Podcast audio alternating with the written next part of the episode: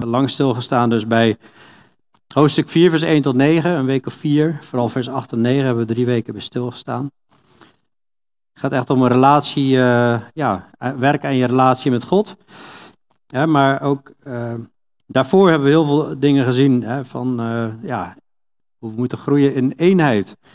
En ja, we moeten kijken naar, naar Jezus, hè, die alles heeft afgelegd. En op die manier wandelen en, en, en Paulus navolgen.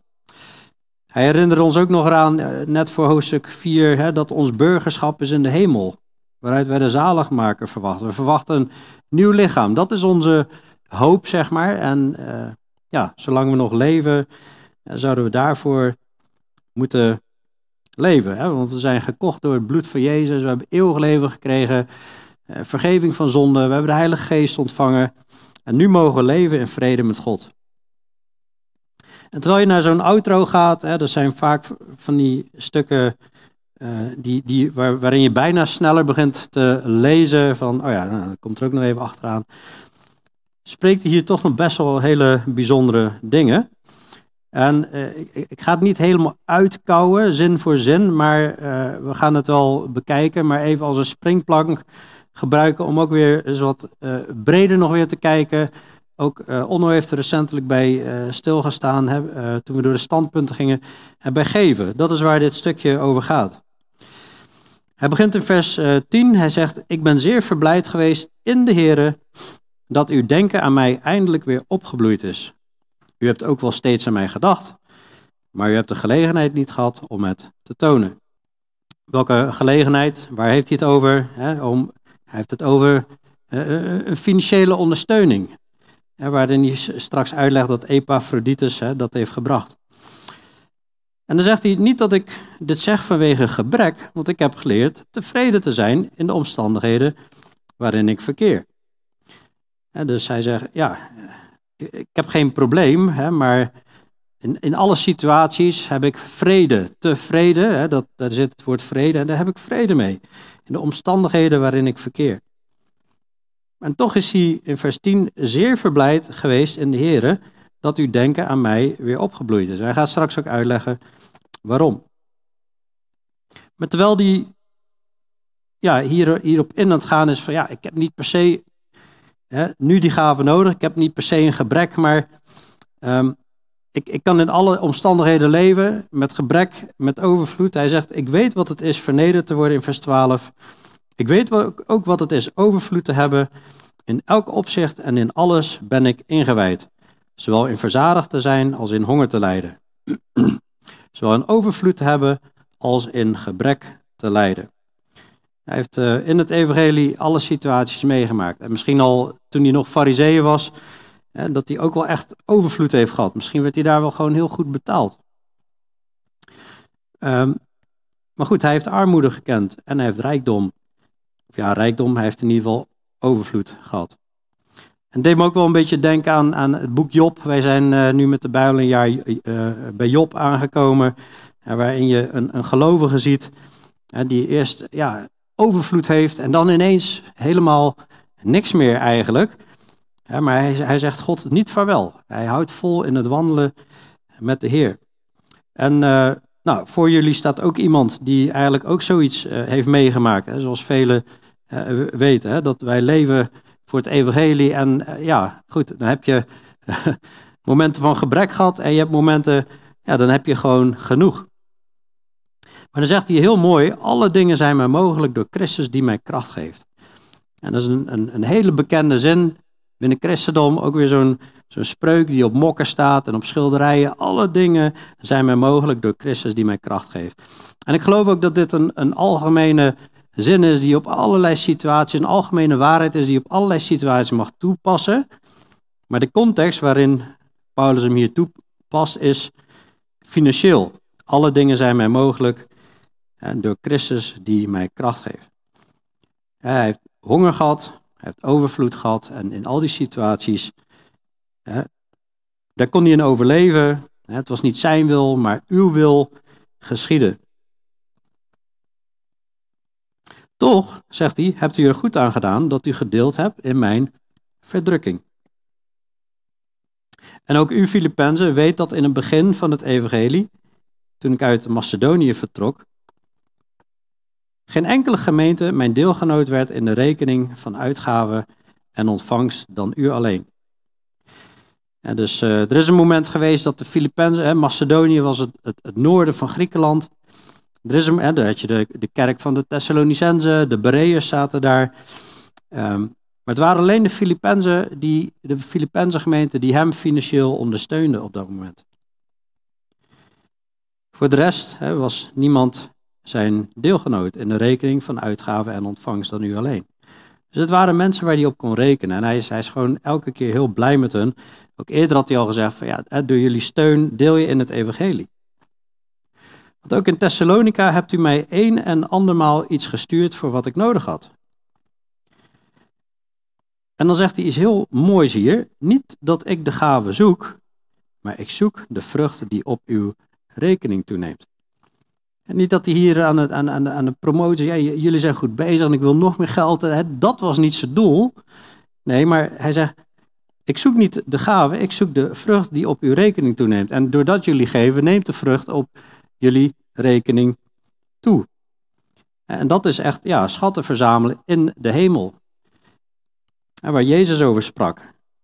Toen hij zei, zoek eerst het koninkrijk van God en zijn gerechtigheid. Dat is, was ook in de context van financiën. Verzamel geen schat op aarde, maar verzamel schat in de hemel. Zoek de vrucht die op uw rekening toeneemt. Of Paulus zoekt de vrucht die op hun, op hun rekening toeneemt. Sorry. Ik heb alles ontvangen, zegt hij in vers 18. En ik heb overvloed. Maar ik heb alles ontvangen en ik heb overvloed. Ik ben geheel voorzien nu ik door middel van Epaphroditus ontvangen heb, wat door u gezonden was, als een aangename geur, een welgevallig offer, welbehagelijk voor God. Dus Epaphroditus heeft die lange reis gemaakt, kwam hartstikke ziek aan, hè? Die, die, daar hebben we het eerder over gehad. Hij heeft, met gevaar voor eigen leven heeft hij die, die, die reis gemaakt. Nou, daar was Paulus helemaal lovenswaardig over. Ja, maar nu heeft hij het bedrag ontvangen, een zak geld. En uh, ja, eigenlijk, eigenlijk zegt hij, ja, het is, is niet voor mij, hè, maar dit, dit is een aangename geur. Dit is een welgevallig offer. Dit is wel behagelijk voor God. Waarom? Omdat ze, ze dienen het evangelie. Ze dienen de Heer Jezus Christus hiermee. En dan zie je dus dat giften, hè, die, zijn, die zijn vrucht. Dat is vrucht wat op jouw rekening toeneemt maar je ziet ook dat het een aangename geur is, een welgevallig offer, welbehagelijk voor God. Dus het is een, een onderdeel van de aanbidding. Het is een onderdeel van de godsdienst. Het is een onderdeel van ons lichaam stellen als een levend offer. Daar, horen, daar horen God liefhebben met heel je hart, ziel, kracht, verstand en daar horen de middelen bij. En dat is een offer, welbehagelijk voor God. En je zou zelfs kunnen zeggen van ja goed, als je, als je niet geeft aan de Heer, ben je eigenlijk een dief van je eigen rekening. Hè? Want dan neemt er ook niks toe op dat gebied uh, op je rekening. En als het dan ook een aanbidding, een aangename geur is van God, hè, dan denk ik ook van dat we dat allemaal mogen doen. En dan zegt hij weer iets heel moois in vers 19, maar mijn God zal u overeenkomstig zijn rijkdom Voorzien van alles wat u nodig hebt in heerlijkheid door Christus Jezus. Dus eigenlijk, ja, zoals ik het zie, stelt die God hier eigenlijk als een grote bankier. en mijn God zal u overeenkomstig zijn rijkdom voorzien in alles wat u nodig hebt. En eh, het Nieuwe Testament belooft nergens welvaart of, of dat je miljonair zal worden. Hè, dat belooft het allemaal niet. Hè. Er zijn wel mensen die dat verkondigen, maar dat is gewoon allemaal niet waar. Hè, maar er staat, mijn God zal u overeenkomstig zijn rijkdom voorzien van alles wat u nodig hebt. Dat belooft hij wel.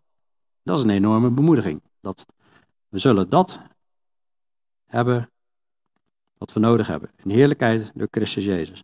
En dat kan soms wat meer zijn, kan soms wat minder zijn. Onze God en Vader, nu zij de heerlijkheid in alle eeuwigheid. Amen. En de heerlijkheid is aan God de Vader.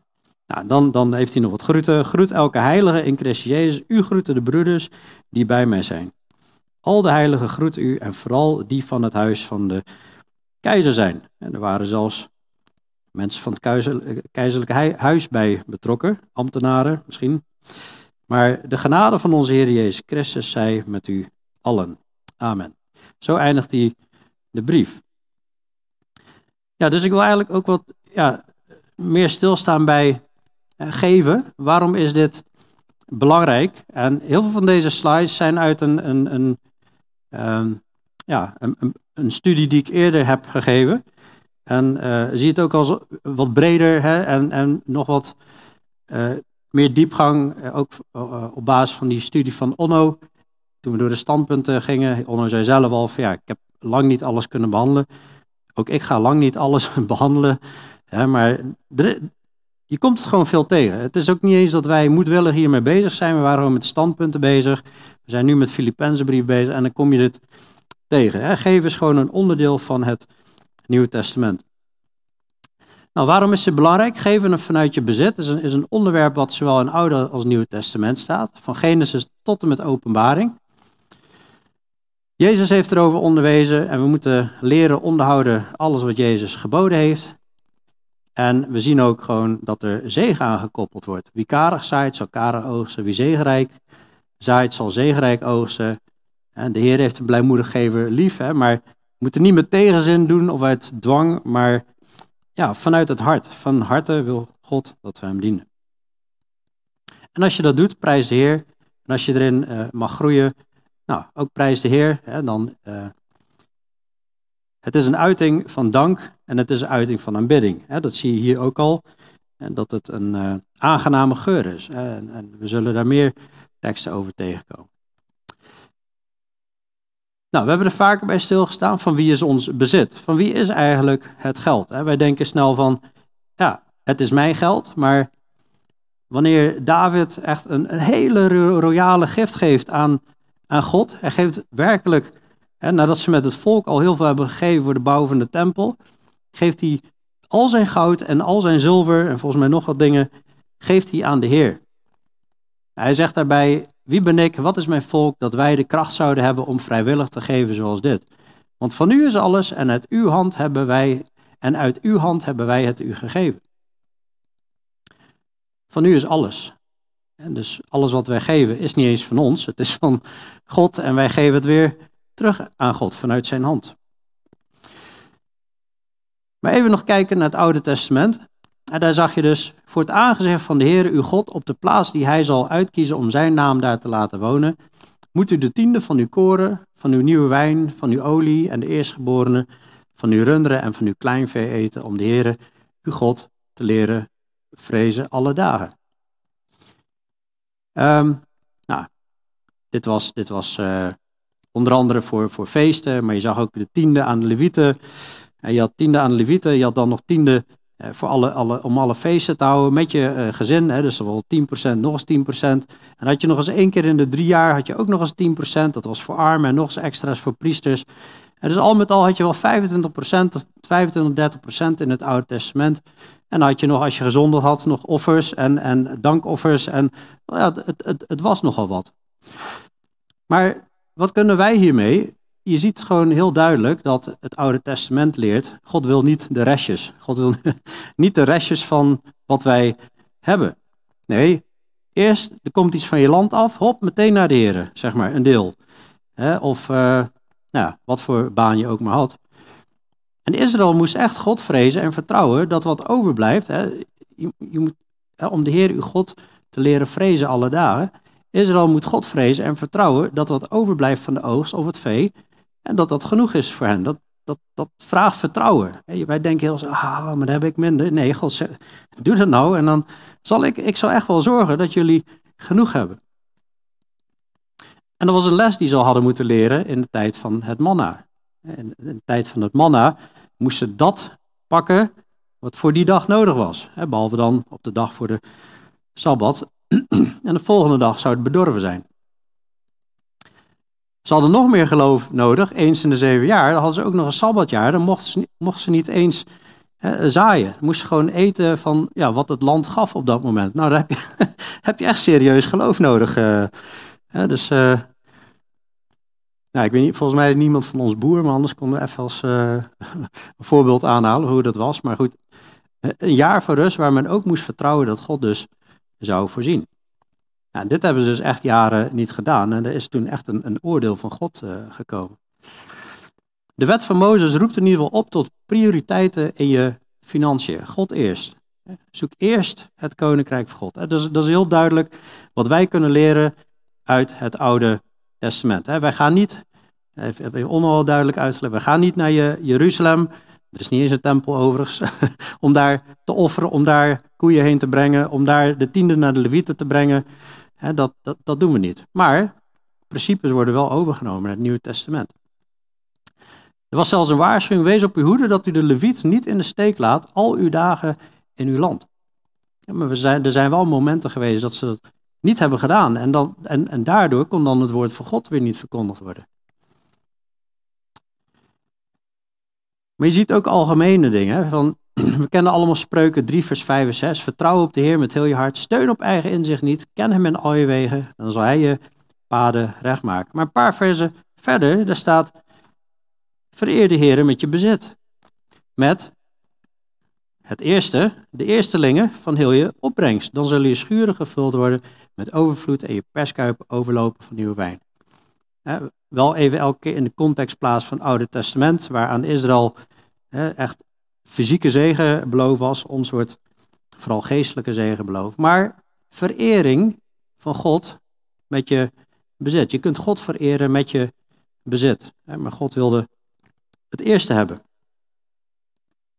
Nou, sommige, zeggen, sommige mensen zeggen, ja, tienden zijn wetties. Hè, dat, is, dat is wetties, hè, want dat komt uit de wet van Mozes. Wij zijn niet meer onder de wet. Maar toch even opgelet. En, en dan eh, voor degene die nou weer schrikken, er komt nog een maar. Hè.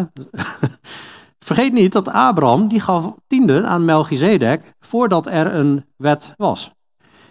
En dat deed hij, zover wij zien, op eigen gelegenheid. Geloof zij God, de Allerhoogste, die overgeleefd heeft uw tegenstanders in uw hand. En Abraham gaf hem van alles een tiende deel van een buit die hij veroverd had. En het lijkt erop dat in het Nieuw Testament dat uh, vaker doet. Maar in ieder geval, hij gaf tiende. Jezus spreekt ook over, uh, geef aan de keizer wat van de keizer is en aan God wat van God is. En tot wie sprak hij op dat moment? Hij sprak tot de Joden. Uh, wat waren de Joden gewend? Die kenden het tiende systeem. Tegelijkertijd kijk jij naar het Oude Testament, hè, dan zie je, ja, als Jezus zegt, geef aan God wat van God is, en aan de keizer wat van de keizer is, ja, naar, naar, naar, naar wie moeten we nou precies kijken? Moeten we naar Abraham kijken, die gaf 10%, of moeten we dan naar Israël kijken, die gaf 25, 30%, of moeten we naar David kijken, die op een bepaald moment alles gaf, zeg maar. Nou, dan is het interessant om te kijken, wat zien we in het Nieuwe Testament terug? Jezus noemt ook nog wel een keer van, uh, hij waarschuwt de fariseeën, u geeft tiende van de munt en de wijnruit en van alle kruiden, maar u gaat voorbij aan het recht en aan de liefde van God. Deze dingen zou men moeten doen en die andere niet nalaten. Dus hij zegt, het is op zich niet verkeerd, maar dit is wel even uh, recht en de liefde van God, de barmhartigheid, al die dingen, dat is wel even heel wat belangrijker. Maar goed, daar kom ik zo nog op terug. Maar in ieder geval, uh, wat we ook zien, van als we God iets geven, doen we dat vanuit het geloof. Dat is het allerbelangrijkste. Het is niet van een, een, een checkbox van dit moet je even doen en dan uh, nou, heb je God weer uh, tevreden gesteld. Maar God wil dat we dat uit geloof doen, uit liefde. En Abel die deed dat ook. Abel die offerde en door het geloof heeft Abel God een beter offer gebracht dan Kain. Daardoor kreeg hij getuigenis dat hij rechtvaardig was. En dit heeft God met het oog op zijn gave getuigd. En door dit geloof spreekt hij nog, nadat hij gestorven was. En zonder geloof is het onmogelijk om God te behagen. Dus je, ziet eigenlijk doordat Abel hier uh, uit geloof offert, zeg maar, zie je eigenlijk dat hij getuigenis kreeg dat hij rechtvaardig was dus we worden niet gerechtvaardigd uit, uit werken, maar het bewijst wel ons geloof, zeg maar. Net als dat onze eerste stap in geloof is, ja, bekeer je, laat je dopen. En dan, dan, dan ga je wandelen in geloof. Dat is niet het einde. En dan ontdek je, oh, oh de Heer wil ook dat ik, uh, ja, deelnemen aan het avondmaal. Oh, dat ga, dat ga je ook doen. Hè? En dan wil God dat we stilstaan bij zijn, zijn dood. En dan, nou, dan ga je allemaal andere uh, dingen ontdekken. Ook zo het offeren. Ja, we zien hier dat wanneer we financiële offers brengen, is een aangename geur, een welgevallig offer, welbehagelijk voor God. En Abel kreeg hierdoor getuigenis dat hij rechtvaardig was. Maar nog veel belangrijker, of ook heel belangrijk bedoel ik, naast het geloof, als we God iets geven, geven we eerst heel ons leven en volgen de Heer in alles. En dan zie je in 2 Korinthe 8, daar, daar smeekten, zij smeekten ons met veel aandrang dat wij hun genade gaven en aandeel in het dienstbetoon aan de heiligen zouden aannemen. Dat gaat over financiën. En zij deden niet alleen zoals wij gehoopt hadden, maar ze gaven zich eerst aan de Heer en daarna aan ons door de wil van God. En je zijn mensen die, die gaan geven aan mensen die een nood hebben. Hè, en en, en die, die doen dat overvloedig. En maar ze, ze gaven zich eerst aan de heren en daarna geven ze zich pas aan hun. En dat doen ze dus door financiën. Ik wil hier uh, toch heel even bij stilstaan. Het liefst zou ik heel hoofdstuk 2 Korinthe 8 en 9 even lezen, tussendoor. Maar dat is best wel een lap tekst. Maar lees die thuis eens door. En um, ik haal er nu even wat highlights uit. Want er is, er is iets bijzonders met deze mensen aan de hand.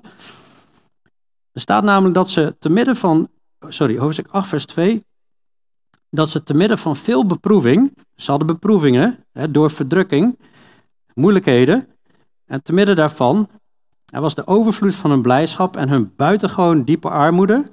En dat had in overvloedige mate geleid tot de rijkdom van hun vrijgevigheid. Dat is een zin die moet je even drie keer lezen, of misschien wel vijf keer. Ze hadden beproeving door verdrukking. Maar er was overvloed van blijdschap. En ze hadden buitengewoon diepe armoede. En dat, dat samen had eh, in overvloedige mate geleid tot de rijkdom in hun vrijgevigheid. Ja, als je niet veel meer hebt, dan ja, kun je ook niet veel verliezen. Maar daar, ja, ze waren er niet meer aan gehecht. En, ze, en ze, ze, waren de, ze hadden dus geleerd om overvloedig te geven. Om vrijgevig te zijn op basis van ehm, ja, dat ze weinig hadden, maar, maar wel een overvloed en blijdschap hadden. Dan staat in vers 3, zo getuig ik, zij gaven naar vermogen, ja boven vermogen en uit eigen beweging.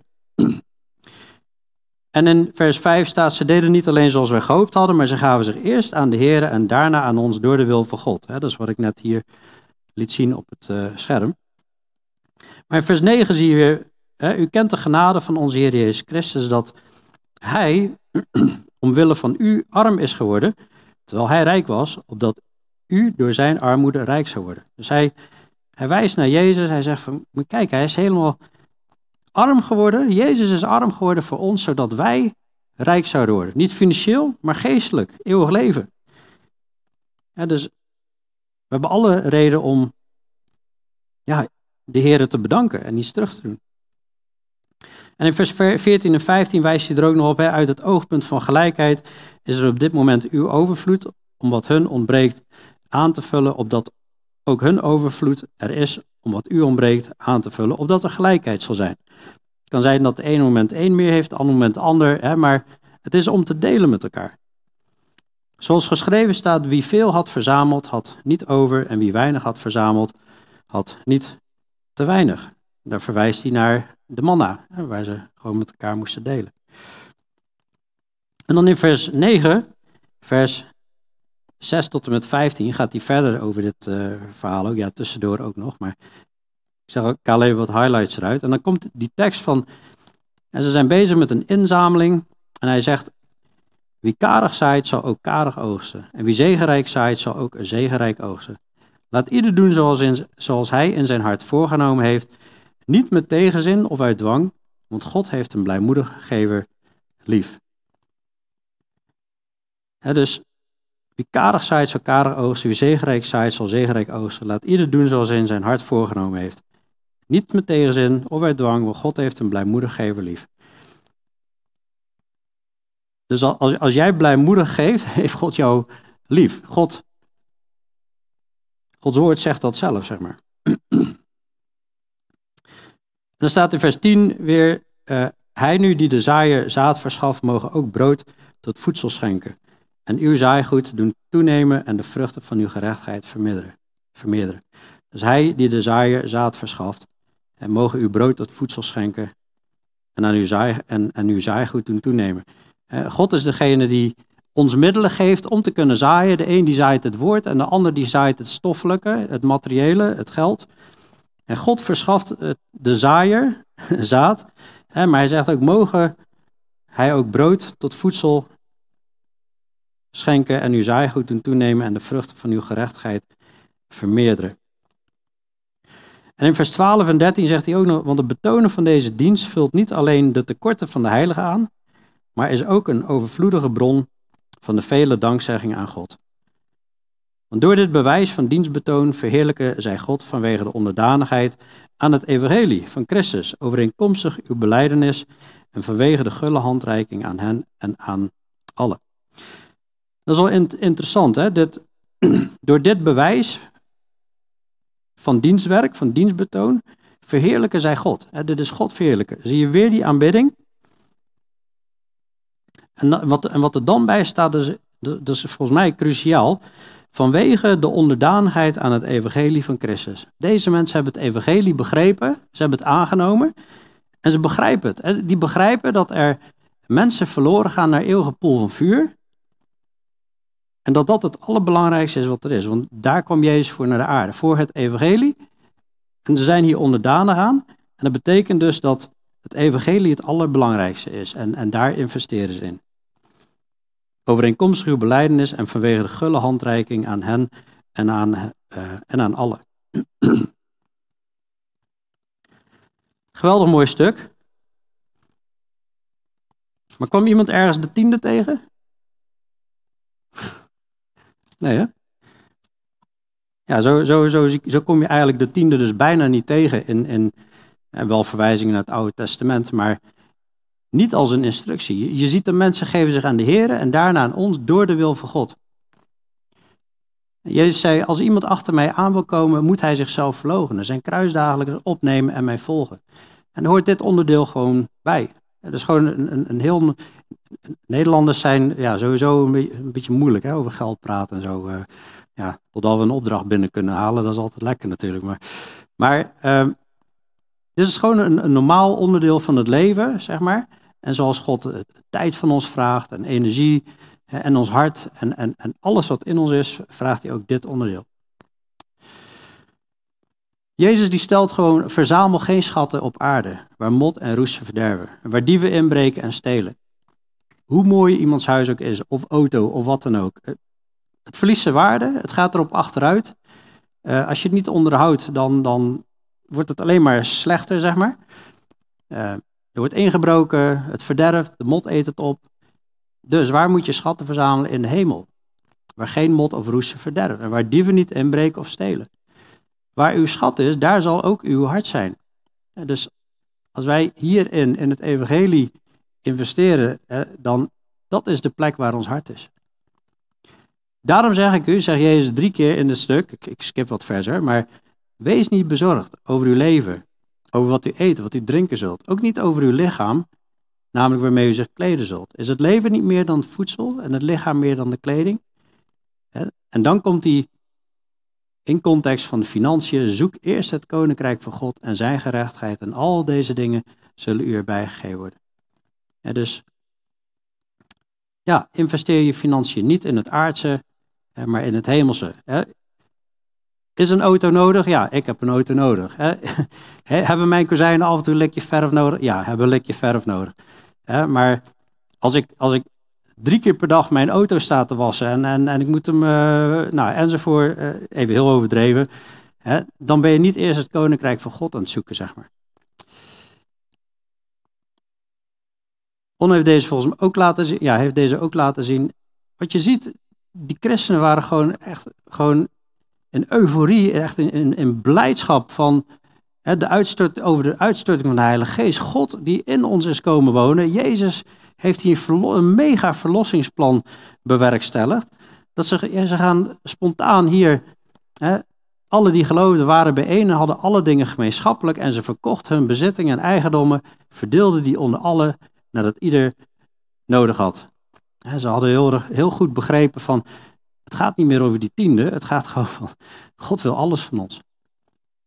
De menigte van hen die geloofden was één van hart en één van ziel. En niemand zei dat iets wat, uh, van wat hij bezat van hemzelf was, maar ze hadden alles gemeenschappelijk.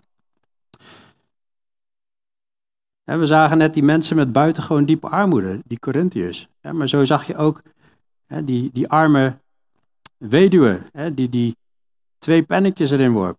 En Jezus zegt dat al die andere mensen hebben van hun overvloed erin geworpen. Maar deze heeft van haar armoede alles wat zij had erin geworpen, heel haar levensonderhoud. Hij, hij prijst haar hier eigenlijk. Dus er is geen excuus om niet te geven.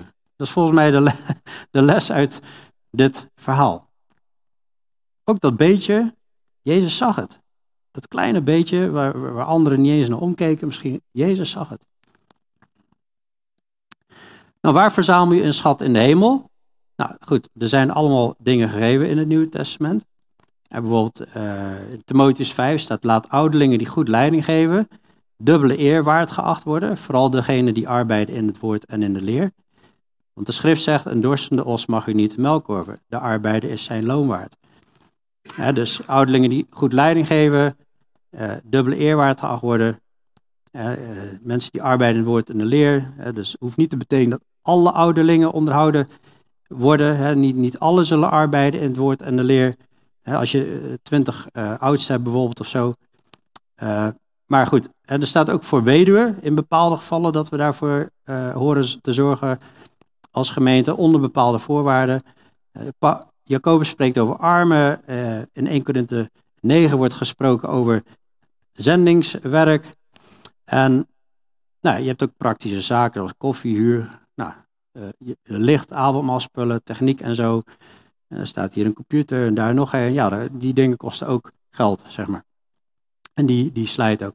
Maar die zending in 1 Korinthe 9, dat is wel interessant, want hoewel de Bijbel niet meer over de, eh, het Nieuwe Testament, hè, uh, je ziet Paulus helemaal niet over instructies over tiende, zegt hij wel dat, zoals het gesteld was met de levieten, eigenlijk, hè, degene die dienden bij het altaar, en zo is het nu ook gesteld met hen die arbeiden in het evangelie, dat ze leven van het evangelie. Dus dat principe van de tiende, we gaan niet naar uh, Jeruzalem, we gaan niet naar de Levieten, hè, maar het principe, en er wordt niet tiende genoemd, maar het principe van arbeiders onderhouden, dat geeft God wel mee.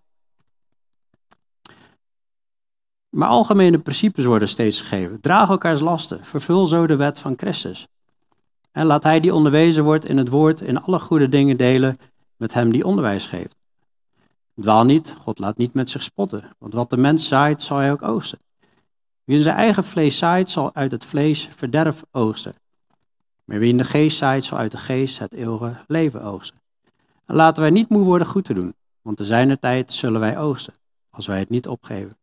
Laten we dus, terwijl wij gelegenheid hebben, goed doen aan allen, maar vooral aan de huisgenoten van het geloof. We mogen ook heus wel goed doen aan buren, maar als we alleen maar aan buren goed doen en niet aan de mensen in de gemeente, dan is de verhouding ook scheef natuurlijk. Hè? Dus dat eerst ja, huisgenoot van het geloof. Nou, met nog boodschappen aan rijken. En ja, er staat zoveel over in, in het Nieuwe Testament. Nou, wij hebben ook gewoon, hè, kijk in onze begroting, ja, hoe doen wij dat? We hebben hier gewoon een, faciliteit. Nou, hè, dat dient het evangelie. Het is een plaats om te dienen, om God te eren, hè, om gasvrijheid te tonen, eh, bescherming tegen windinvloeden. Ja, dat kost gewoon geld. We hebben activiteiten, we hebben eh, bijbels gekocht voor evangelisatie en zo. Dat is allemaal Gods woord verspreiden, dat is de grote opdracht. Nou, voor alle apparatuur die hier, hier staat, hè, dat, ja, dat, dat kwam ook niet zomaar aanwaaien. Ja, trouwens, een paar speakers hebben we wel gekregen van uh, een andere kerk. Dus die kwamen wel eigenlijk aanwaaien. Maar uh, nou, techniek ondersteunt weer verspreiding van Gods woord, goede verstaanbaarheid in de zaal, muziek of preek. Maar ook, ook het bereik wat we hebben online. Het is gewoon geweldig dat, dat, dat mensen daardoor groeien. Hè. Rond de jaarwisseling kregen we weer berichten van mensen. Nou goed, uh, ook arbeiders in het evangelie worden onderhouden. Hè, beschikbaar maken van uren voor arbeiders. Dat is een bijbelse opdracht. Dat zorgt voor verspreiding van Gods woord. En ja, hier onderwijs over geven is ook weer onderdeel van de grote opdracht. Wat Jezus zei, onderwijs al de volken. En we moeten ze ook leren alles wat Jezus geboden heeft in acht te nemen. Dus financiën dienen het evangelie. Ik vind het zo mooi dat 2 Korinthe 9 zegt van ja, ze waren onderdanig eigenlijk aan het, uh, aan het evangelie. En ze verheerlijkten hiermee God. Nou, veelgestelde vragen die je wel eens hoort. Is het zonde als je niet geeft? Als de Bijbel zo duidelijk is over geven, geven, geven, hè, dat God dat verlangt, dan denk ik dat je wel kan stellen van als je, als je niet geeft, hè, dat dat zonde is. Maar laat het wel vanuit geloof en vanuit liefde gebeuren. Um, veelgestelde vraag van ja, oké, maar je ziet dan overal die 10%. Uh, eh, moet je dan per se uh, meer dan 10% geven? Nou goed, uh, dat zijn volgens mij vragen in de categorie van moet ik per se alles met mijn vrouw delen als we gaan trouwen? Of ja, schat, ja, hoe, hoe, hoeveel, um, ja, hoeveel tijd wil je eigenlijk aan de kinderen besteden? Dat je net tevreden bent? Of, of ja, hoeveel knuffels wil je op een dag? Dat, dat je net tevreden bent. Dat, is eigenlijk weer een vraag in die categorie. We hebben het hier niet over ja, wat moet ik doen? Nee, maar we, we hebben het over een relatie hebben met God. En we hebben, we hebben gezien van, ja, God vraagt van ons allemaal dingen om te doen. Daar hebben we weken bij stilgestaan. Wat waar is, wat eerbaar is, wat rechtvaardig is, eh, wat deugdelijk is. En dan begint Paulus daarna over eh, financiën. En dus ik denk dat dit echt een van de onderdelen is daarvan. Doe deze dingen en de God van de vrede zal met u zijn. We hebben het hier over een relatie met God. En dan denk ik, ja, als ik in relatie ben met mijn vrouw, dan ga ik het niet zo snel, volgens mij, Misschien is het mevrouw, nou, ik kan er wel een paar opnoemen. Volgens mij ga ik dan niet hebben over percentages van uh, wat vraag jij precies van mij. Druk dat eens even, geef me even een, een, een, een, statistische tabel en een grafiekje erbij. En dan weet ik even precies wat ik moet doen, zeg maar. Uh, hoe vaak moet ik gasvrij zijn? Dat is net zo'n vraag. Ja, we moeten gasvrij zijn. Ja, moet, het altijd en moet dan heel gasvrij zijn? Ja, de, nee, eh, gewoon gasvrij zijn. Dus, dus hierin ook. Um, ja, ik, ik wil die, die vraag met een, met een wedervraag beantwoorden.